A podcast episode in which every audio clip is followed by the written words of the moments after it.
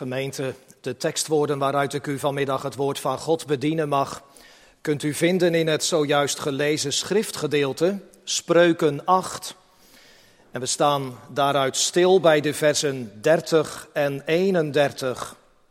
Spreuken 8, vers 30 en 31. Daar lezen wij het woord van de Heere als volgt.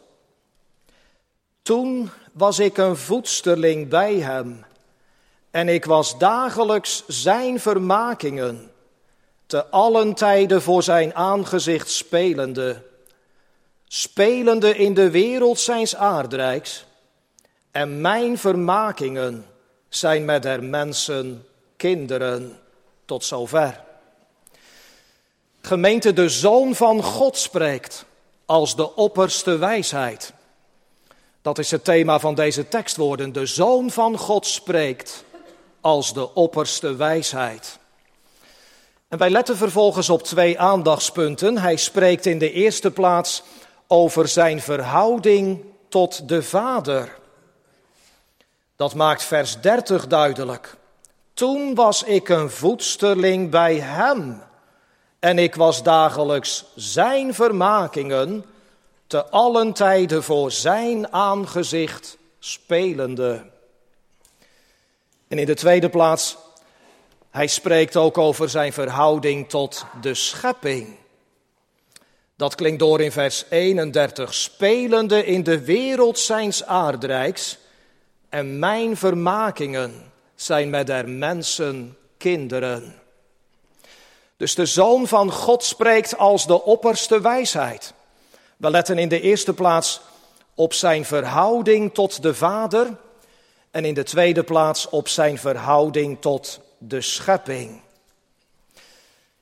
Gemeente, in deze tijd van Advent in het kerkelijk jaar staan wij in de prediking heel vaak stil bij het verlangen van alle gelovigen van het Oude Testament. Het hopend uitzien van de vromen van het Oude Testament naar de komst van de beloofde Messias. En we denken dan heel vaak aan hun strijd en hun hoop en hun verlangen en hun verwachting enzovoort. Maar heeft de Zoon van God ook verlangd naar zijn komst in deze wereld? Heeft de Zoon van God er ook hopend en verlangend naar uitgezien om de beloofde Messias van Israël en de zaligmaker van zondaren te zijn? Hebt u ook wel eens over die vraag nagedacht? In ieder geval geeft de tekst die vanmiddag centraal staat in de prediking ons een antwoord op die vraag. Een tekst die we gelezen hebben uit het Bijbelboek Spreuken. Jongens en meisjes, ik denk dat jullie ongetwijfeld de schrijver zullen kennen van het overgrote deel van dit spreukenboek. Het zijn de spreuken van koning Salomo, de man, de zoon van David, die eenmaal op de vraag van de Heere wat hij nou het allerliefste zou ontvangen, het antwoord gaf, Heere, mag ik dan wijsheid van u ontvangen? De wijsheid van u die nodig is om mijn taak als koning van de twaalf stammen van Israël op mij te nemen. En de Heere heeft hem daadwerkelijk wijsheid gegeven. In een bijzondere hoeveelheid. De wijze koning Salomo. En het is dan ook niet verwonderlijk, gemeente, dat in de Bijbelboeken die van de wijze Salomo ons gegeven zijn, datzelfde thema van de wijsheid ook heel vaak centraal staat.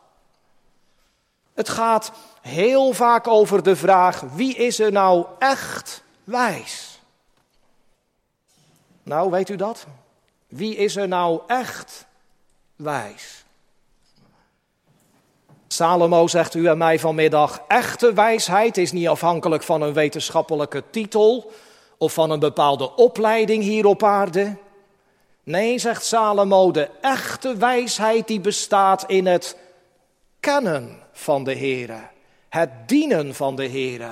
Het vrezen van de Heere. De vrezen des Heeren is het beginsel van de wijsheid, schrijft Salomo. Zo kunnen we in allerlei hoofdstukken van dit spreukenboek over die echte wijsheid lezen.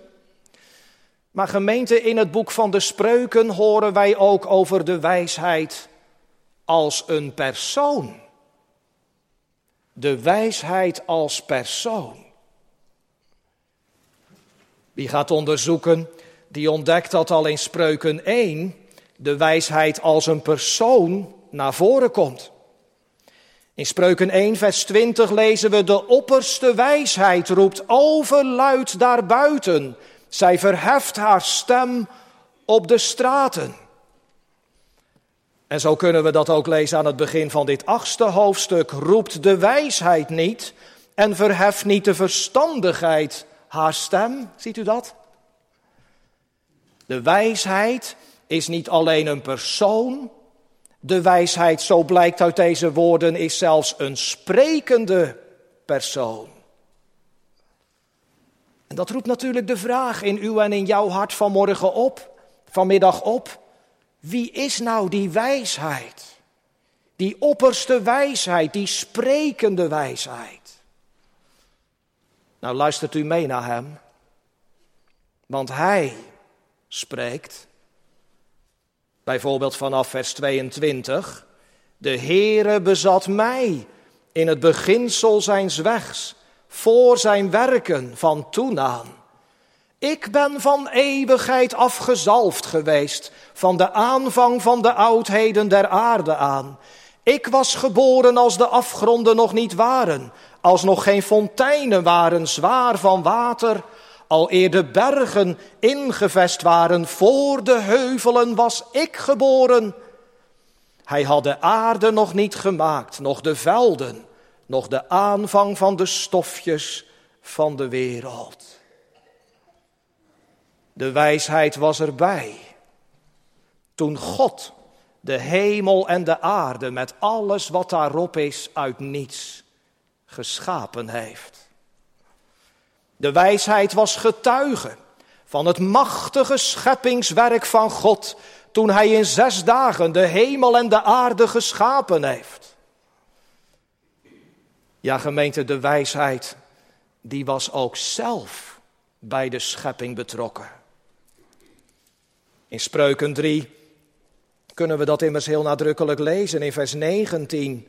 De Heere heeft de aarde door wijsheid gegrond de hemelen door verstandigheid bereid. En dat laat die vraag te meer klemmen, toch? Wie is nou de wijsheid? Wel, luister maar verder naar hem. Want hij spreekt verder in vers 27. Toen hij de hemelen bereidde, was ik daar. Toen hij een cirkel over het vlakke van de afgrond beschreef toen hij de opperwolken van boven vestigde, toen hij de fonteinen van de afgrond vastmaakte, toen hij de zee haar perk zette, opdat de wateren zijn bevel niet zouden overtreden, toen hij de grondvesten der aarde stelde. Gemeente, de wijsheid was er al van eeuwigheid, zo horen we hier. Nog voor de schepping van de hemel en van de aarde was de wijsheid er al. Zoals ook God van eeuwigheid af bestaat. Veelzeggend vindt u niet? De wijsheid was er van eeuwigheid zoals God van eeuwigheid is. De wijsheid was betrokken in het machtige scheppingswerk wat God gedaan heeft. En dat maakt duidelijk, gemeente, als het hier gaat over de wijsheid, dan gaat het over de eeuwige zoon van God. Voor zijn menswording. De zoon van God, die, zo zegt het woord van God, is van eeuwigheid gegenereerd is door de Vader. En daar klinkt iets van door in die tweede psalm als God de Vader spreekt. Gij zijt mijn zoon, heden heb ik u gegenereerd. De eeuwige Zoon van God, die één is met de Vader en de Heilige Geest, door wie God alle dingen gemaakt heeft. Gemeente, dat wordt nog veel duidelijker in het licht van het Nieuwe Testament. Want als de apostel Paulus schrijft over Christus aan de gemeente van Korinthe, dan noemt hij Christus niet alleen de kracht van God, maar ook de wijsheid van God. En als diezelfde apostel zijn brief schrijft aan de Colossensen, dan spreekt hij in diepe vervoering over Christus, door in wie al de schatten van de wijsheid en van de kennis verborgen zijn. Ziet u dat? Daarom horen wij vanmorgen hoe de Zoon van God spreekt als de opperste wijsheid. Wat een reden te meer. Om vol aandacht, om vol eerbied, om vol uitzien te luisteren, thuis en in de kerk. Wat de opperste wijsheid te zeggen heeft. Wat Hij vanmorgen tot ons spreekt. En als Hij gemeend in onze tekst evenzeer het woord neemt, dan spreekt Hij allereerst over zijn verhouding tot zijn Vader. Want Hij zegt, toen was ik een voedsterling bij Hem en ik was dagelijks Zijn vermakingen te allen tijden voor Zijn aangezicht spelende. Toen. En met dat woordje toen verwijst de opperste wijsheid allereerst terug naar de eeuwigheid, voor de schepping van de hemel en de aarde. Maar tegelijkertijd omvat het ook alles wat daarna gekomen is. Toen, van eeuwigheid en tijdens de schepping van de hemel en de aarde, toen was ik een voedsterling bij hem. Wat een opvallend woord een voedsterling. En u begrijpt dat is een woord wat vanmiddag wel enige uitleg nodig heeft. Een voedsterling. Staat in het Hebreeuws een woord wat je in de eerste plaats mag weergeven als een baby of peuter. Een klein kind wat nog gevoed wordt. Voedsterling. Een klein kind wat de zorg van een ander nodig heeft om gevoed te worden, wat nog niet zelf eten kan. En wat daarom altijd in de directe nabijheid en zorg van met name moeder is. Een voedsterling. Maar gemeente, er zit nog een tweede betekenislaag in. Datzelfde woord dat heeft ook de betekenis van een lievelingskind. Een troetelkind. Een kind wat niet alleen door de moeder gevoed wordt, maar wat ze ook telkens opnieuw in haar armen neemt en bij zich op schoot trekt om het te knuffelen, om het te kussen, omdat ze zoveel van haar kind houdt. En nu zegt de zoon van God, toen was ik een voedsterling bij hem. Vindt u dat ook zo ontroerend? Dat zijn woorden die je alleen met diepe eerbied en tegelijkertijd in grote verwondering kunt lezen en beluisteren. Van eeuwigheid tijdens de schepping, daarna was de Zoon van God altijd in de directe nabijheid en in de directe zorg van God zijn Vader als een voedsteling. Nooit was de Vader zonder de Zoon. En nooit was de Zoon zonder de Vader. En daar komt dan ook die tweede betekenis nog bij, gemeente, van dat woord voedsteling. Daarbij was de Zoon altijd het grote voorwerp van de eeuwige liefde van de Vader. Van de heilige liefde van de Vader. Van de volmaakte liefde van de Vader. Als een voedsteling. Een troetelkind. Een lievelingskind. Wat is dat duizelingwekkend groot. Heilig en heerlijk. En gemeente, het beeld wat Salomo ons voor, deze, voor ogen schetst in deze tekst, dat wordt zelfs nog rijker als u let op het vervolg van vers 30. Want de opperste wijsheid zegt, ik was dagelijks zijn vermakingen te allen tijden voor zijn aangezicht spelende. Ziet u in gedachten ook zo'n kleine peuter voor u? Die, af, die regelmatig door moeder gevoed wordt en die ook door moeder geknuffeld wordt. Maar die op andere momenten in de nabijheid van moeder ergens in de woonkamer of zo of op een andere plaats in huis aan het spelen is. Telkens opnieuw kijkt moeder vanaf een afstandje naar de kleine, vol van zorg en vol van liefde. Telkens wanneer die kleine in het spel verzonken zich laat horen, dan zie je als het ware een gelukkige glimlach om de mond van moeder spelen. Wat voelt ze zich blij, gelukkig, verwonderd. Als ze haar kleine ziet spelen, daar in een hoek van de woonkamer. Als ze ziet dat haar kind gelukkig is. Gemeente, zo is de Zoon van God een bron van eeuwige vreugde en van eeuwige blijdschap, van eeuwig geluk voor zijn Vader. Zo verlustigt de Vader zich heilig in zijn Zoon van dag tot dag.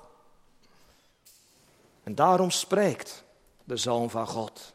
Toen was ik een voedsterling bij hem.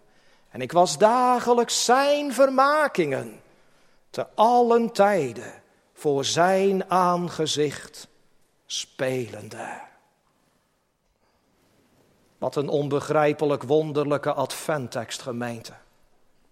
Een tekst die vol is van de intieme omgang tussen God de Vader en zijn Zoon, waarbij in het licht van het gehele woord van God evenzeer de Heilige Geest betrokken is. En weet u wat vooral opvalt in deze woorden? De liefde van de Vader voor zijn zoon. Zijn troetelkind. Zijn lievelingskind. Zijn goddelijke liefde voor de zoon. Wat heeft de Heer Jezus dat ook vaak bevestigd toen hij op aarde gekomen was? Johannes 5, Voorwaar, voorwaar zeg ik u, de zoon kan niets van zichzelf doen, tenzij hij de vader dat ziet doen. Want zo wat die doet, hetzelfde doet ook de zoon desgelijks. Want de vader heeft de zoon lief en toont hem alles wat hij doet. En hij zal hem groter werken tonen dan deze, opdat gij u verwondert. En in Johannes 3, de vader heeft de zoon lief en heeft alle dingen in zijn hand gegeven. Liefde van de Vader voor de Zoon. En toch gemeente, nog heerlijker, nog rijker en nog wonderlijker schittert de liefde van de Vader in het wonder van kerst. Hebt u er wel eens bij stilgestaan wat kerst voor God de Vader betekend heeft? Het allerliefste wat hij heeft, zijn voedsteling, zijn troetelkind, heeft hij gezonden in de wereld. Ja, die wereld die weliswaar heerlijk uit zijn handen voortgekomen is tijdens dat machtige scheppingswerk. Maar die sinds de dag van onze zondeval een wereld is die radicaal en totaal verloren ligt in zonde en schuld voor God. Een wereld die het oordeel van God waard is. Een wereld vol van mensen die de eeuwige toren van God verdiend hebben. En aan die wereld heeft God zijn zoon gegeven. Gegeven. Want al zo lief heeft God deze wereld gehad, dat Hij Zijn enige geboren Zoon gegeven heeft, opdat een ieder die in Hem gelooft niet verderven, maar het eeuwige leven hebben zal. In de volheid van de tijd is deze opperste wijsheid, de eeuwige Zoon van God, mens geworden. Hij is ontvangen uit de Heilige Geest en geboren uit de Maagd Maria als het heilig kind Jezus. Om de toren van God de Vader over de zonde te dragen, als borg voor zondaren. Ziet u op deze laatste adventzondag wat dat de Vader gekost heeft?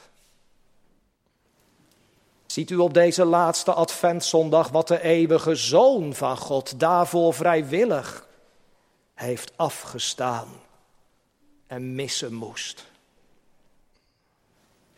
Toen was ik een voedsterling bij hem. En ik was dagelijks zijn vermakingen te allen tijden voor zijn aangezicht spelende. Ja, die woorden spreken over de verhouding van de zoon tot de Vader. Maar gemeente, wat is nou eigenlijk uw verhouding tot diezelfde God en Vader? Wat is nou heel persoonlijk jouw verhouding tot diezelfde God en Vader van Christus? Zolang wij nog leven buiten de vernieuwing van ons hart door de Heilige Geest, Zolang wij ons leven buiten het oprecht geloof in de Heer Jezus Christus. Vergis je niet, diezelfde Vader is onze rechter. Hij is de God voor wie wij allemaal eens zullen staan. Om rekenschap af te leggen van al onze gedachten, onze woorden, onze daden.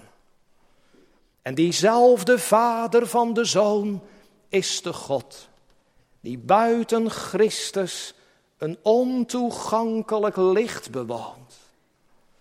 Die een verterend vuur en een eeuwige gloed is. En die elke zondaar die buiten de zoon om voor hem verschijnen zal, voor eeuwig verdoemen zal. Maar die elke zondaar die door het geloof tot Christus de toevlucht genomen heeft, vrij spreekt. En vrij spreken zal. Omdat hij allen die door het geloof aan zijn zoon verbonden heeft, heeft aangenomen tot zijn kinderen en erfgenamen. Zoveel hem aangenomen hebben, die heeft hij immers macht gegeven om kinderen van God te worden, namelijk die in zijn naam geloven. Welke niet uit de bloeden, nog uit de wil van het vlees, zegt Johannes, nog uit de wil van de man, maar uit God geboren zijn. Op deze laatste Adventzondag laat God het ons verkondigen, gemeente, uw en mijn verhouding tot God de Vader. Die wordt alleen hersteld door een waar geloof in Christus. En juist wanneer u hier onder de adem van het woord van God bent, dan kan en dan wil diezelfde machtige geest van God dat geloof werken en versterken in zondaars harten. Wat een wonder als u daarvan weet in uw leven. Wat een wonder. Want gemeente, wie door het geloof in Christus met God verzoend is, die deelt, dat is duizelingwekkend hoog hè, maar het is wel werkelijkheid. Die deelt in diezelfde liefde van de Vader tot de Zoon. Diezelfde fontein van eeuwige goddelijke liefde waarin de Zoon van God deelt. Dat is ook de bron waarin alle kinderen van God delen. En daarom zegt de apostel van de liefde, ziet hoe grote liefde ons de Vader gegeven heeft, namelijk dat wij kinderen van God genaamd zouden worden. Zo spreekt de opperste wijsheid in de eerste plaats over zijn verhouding tot de Vader. Maar hij spreekt in de tweede plaats ook over zijn verhouding tot de schepping.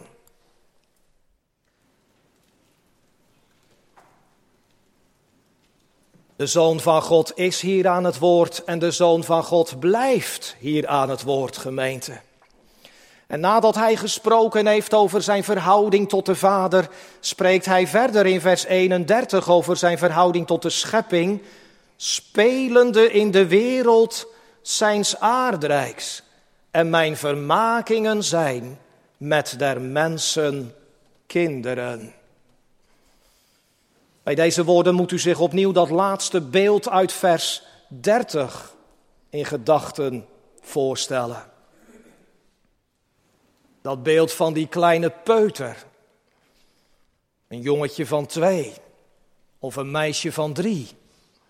Die ergens in de woonkamer aan het spelen is, verdiept in zijn of haar spel. Die af en toe in zichzelf praat en af en toe in zichzelf lacht. Terwijl moeder of vader van een afstandje toekijken.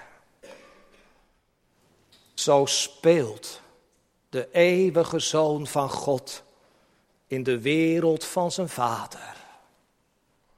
Spelende in de wereld van zijn aardrijk. In die machtige schepping van God, die zo heerlijk uit de handen van God is voortgekomen. Gemeente, dat is als het ware het speelterrein van de eeuwige Zoon van God. Zo heeft de heilige Zoon van God zich in heilige vreugde vermaakt, verblijd over de schepping voor de zondeval. Maar zelfs daarna nog. Want in een zeker opzicht kun je zeggen, nog steeds, ook nu, speelt de Zoon van God in de wereld van zijn Vader na de zondeval. Want immers door de Zoon, door Christus, onderhoudt en regeert God de Vader alle dingen in de hemel, maar ook op de aarde.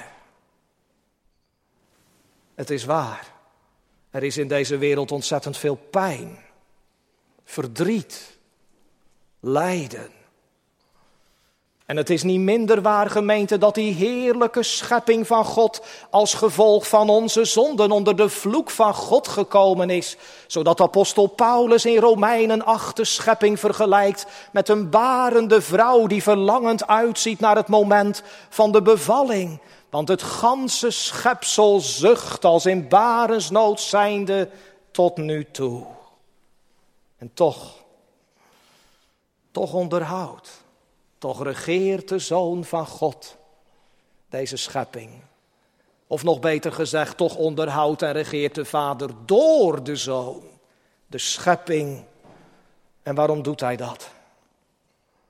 Dat doet hij omdat hij in deze gevallen wereld zijn eeuwig welbehagen volvoert.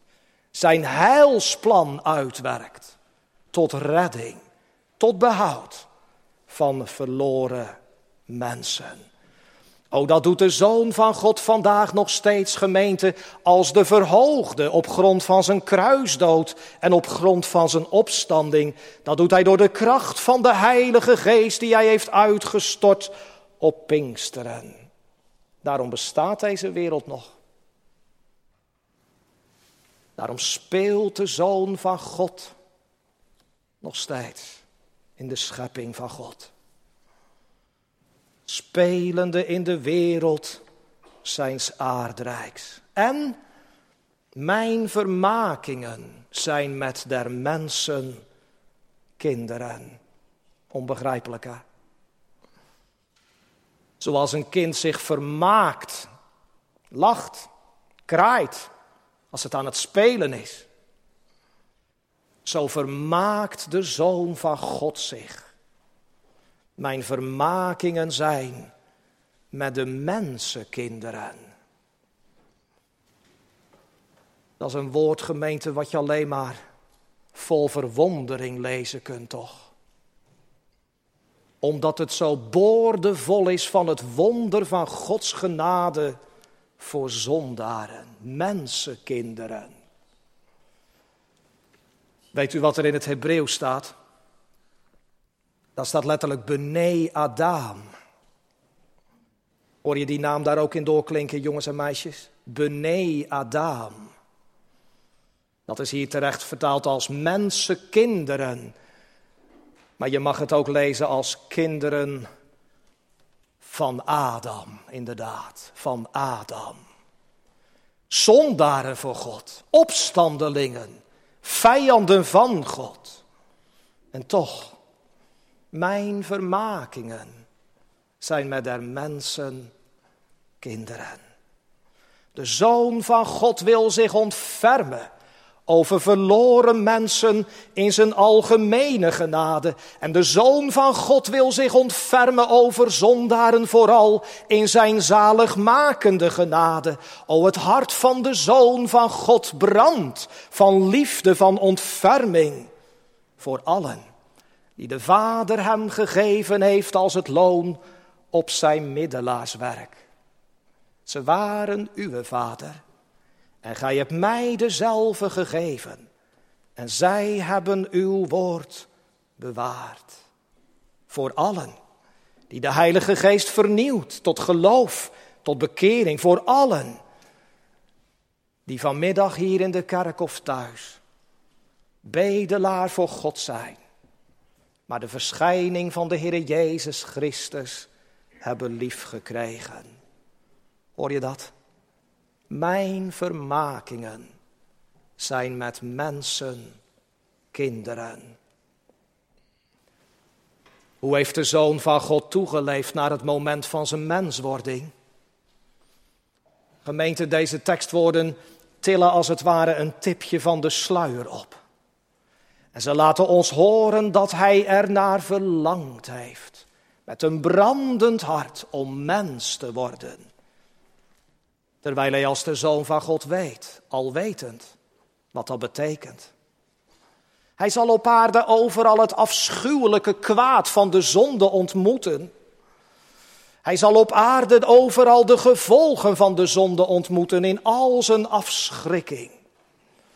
Hij zal door velen worden uitgeworpen, veracht, afgewezen en verworpen in ongeloof. Hij zal uiteindelijk een afschuwelijke vloekdood sterven aan het kruishout op Golgotha. Hij zal straks op Golgotha drie uur lang het allerzwaarste lijden ontmoeten. Want dan, dan is het diezelfde Vader die zijn eeuwige goddelijke liefde als het ware intrekken zal zodat het troetelkind van de vader roept, mijn God, mijn God, waarom hebt gij mij verlaten? En toch, ondanks dat alles, wil en zal de zoon van God mens worden. Want mijn vermakingen zijn met der mensen kinderen. O, wat is de liefde van Christus voor zondaren, onpeilbaar groot. De Schotse dominee Samuel Rutherford zegt ergens: Al zouden alle grassprietjes van deze wereld pennen zijn. En al zou al het water van de oceanen van deze aarde inkt zijn. Dan was het allemaal nog veel te ontoereikend om daarmee de liefde van Christus te beschrijven. Mijn vermakingen zijn met mensenkinderen. Gemeente, deze woorden van vers 31 die laten ons horen over de verhouding. De verhouding tussen de Zoon van God en de schepping. Maar nou opnieuw die hele persoonlijke vraag voor u en mij. Wat is nou uw verhouding ten opzichte van de Zoon en die van jou? Hebt u hem al nodig gekregen? Als Jezus als zaligmaker van zondaren. Omdat de wet van God je aanklaagt en veroordeelt. Omdat je je schuldig voor God wijt. En je onmachtig bent om iets van die schuld van je leven weg te nemen. Ben u al tot Hem gevlucht, gemeente, door het geloof? Omdat u het ontdekt hebt. Dat deze zaligmaker de enige is die het kan, die het wil. Om u terug te brengen tot God, om uw schuld te verzoenen, om u vrede met God te geven. Kijk wie u nou ook bent. Het zij thuis of in de kerk. En wie jij ook bent. Ik weet één ding van u. U bent een mensenkind. U bent een kind van Adam. En daarom roept de Zoon van God u vanmorgen. Daarom roept de Zoon van God ook jou. Let er maar op, het vervolg van de tekst. Vers 32. Nu dan, kinderen. Dat zijn diezelfde mensenkinderen waarover het ging in vers 31. Nu dan, kinderen, hoor naar mij, want wel gelukzalig zijn zij die mijn wegen bewaren. Hoor de tucht en word wijs en verwerp die niet. De Zoon van God gemeente doet een appel aan de deur van uw hart en hij zegt, verzet u toch niet langer tegen mij. Maar kom toch met al uw zondeschuld en al uw ongeschiktheid en al uw onmogelijkheden naar mij toe. Kom tot mij. Vertrouw toch op mij. Volg mij toch. Ja, dat maakt echt wijs. Dat maakt echt gelukkig. Dat maakt jongeren en ouderen wel geluk, zalig, vol van hemels geluk en zaligheid. Gemeente, zo roept de Zoon van God. Wel gelukzalig is de mens die naar mij hoort, dagelijks wakende aan mijn poorten, waarnemende de posten mijn deuren, want die mij vindt, die vindt het leven en trekt een welgevallen van de Heere. Maar die tegen mij zondigt, doet zijn ziel geweld aan. Allen die mij haten, hebben de dood lief. Hoort u hem roepen?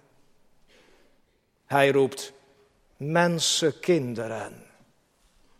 Dus hij sluit vandaag niemand buiten in zijn roep. Daarom mag u komen. Daarom moet u komen. Daarom is niet komen tot Christus letterlijk de allergrootste zonde. Want dat betekent hem haten. Zegt vers 36. Dat betekent de eeuwige dood liefhebben. O wie kiest nu het verdwaasde voor het leven, de dood. O komen tot Christus met de last van je verlorenheid. Komen tot Christus als een straatarme bedelaar. Dat is niet brutaal. Oh nee. Gemeente, u kunt de Zoon van God nergens meer mee eren dan wanneer u komt als een straatarme bedelaar tot de volheid die in Christus is. Omdat Hij roept en omdat Hij lokt en omdat Hij nodigt. Omdat Hij het gezegd heeft, hoor naar mij, want wel gelukzalig zijn zij die mijn wegen bewaren. Misschien is er vandaag een jonger of oudere die denkt, ja maar hoe moet dat dan? Ik weet niet hoe ik komen zal. Ik weet niet hoe ik komen moet. Heb u het hem al verteld? Ben u al bij hem geweest? Want hij ziet u zo graag komen. En hij hoort zo graag uw stem om het aan hem te beleiden. Want mijn vermakingen zijn met de mensen kinderen. Hij wil het ons leren, gemeente, voor het eerst of opnieuw. Hij wil door de kracht van zijn woord, vol van de Heilige Geest, zondaren tot zich trekken. En hij zegt het, zo wil ik het u leren. Om als een arme bedelaar, moede kom ik, arm en naakt, tot de God die zalig maakt, tot hem de toevlucht te nemen om uit zijn volheid te ontvangen. Genade voor genade. En daarom, Nu dan, kinderen, hoort naar mij. Jongens en meisjes, misschien vinden jullie dit best een moeilijke tekst. Misschien vinden jullie het ook wel een wat onverwachte tekst in de adventtijd. Uit Spreuken 8. Nou luister, in deze tekst hoor je de Heer Jezus Christus spreken nog voor het moment dat hij mens op aarde wordt, nog voordat hij geboren wordt in de stal van Bethlehem. En weet je wat hij ook laat weten? Dat hij ook kinderen, dat hij ook jongeren echte wijsheid leren wil. Als je verder gaat zoeken in dit spreukenboek, doe het maar vanmiddag. Dan vind je daar een tekst die je als het ware drie keer mag onderstrepen in je Bijbel. Het woord van de Zoon van God als de opperste wijsheid die zegt, en die mij vroeg zoeken, die zullen mij vinden. Want mijn vermakingen zijn met de mensenkinderen. En u, die Christus hebt liefgekregen, weet u wat deze tekst u vanmorgen tot slot laat horen? De liefde van Christus voor u, die was er veel eerder dan uw liefde voor Hem. Spurgeon zegt ergens, ik droomde eens dat de Heere aan mij vroeg, Spurgeon, Charles, wanneer is mijn liefde voor je begonnen?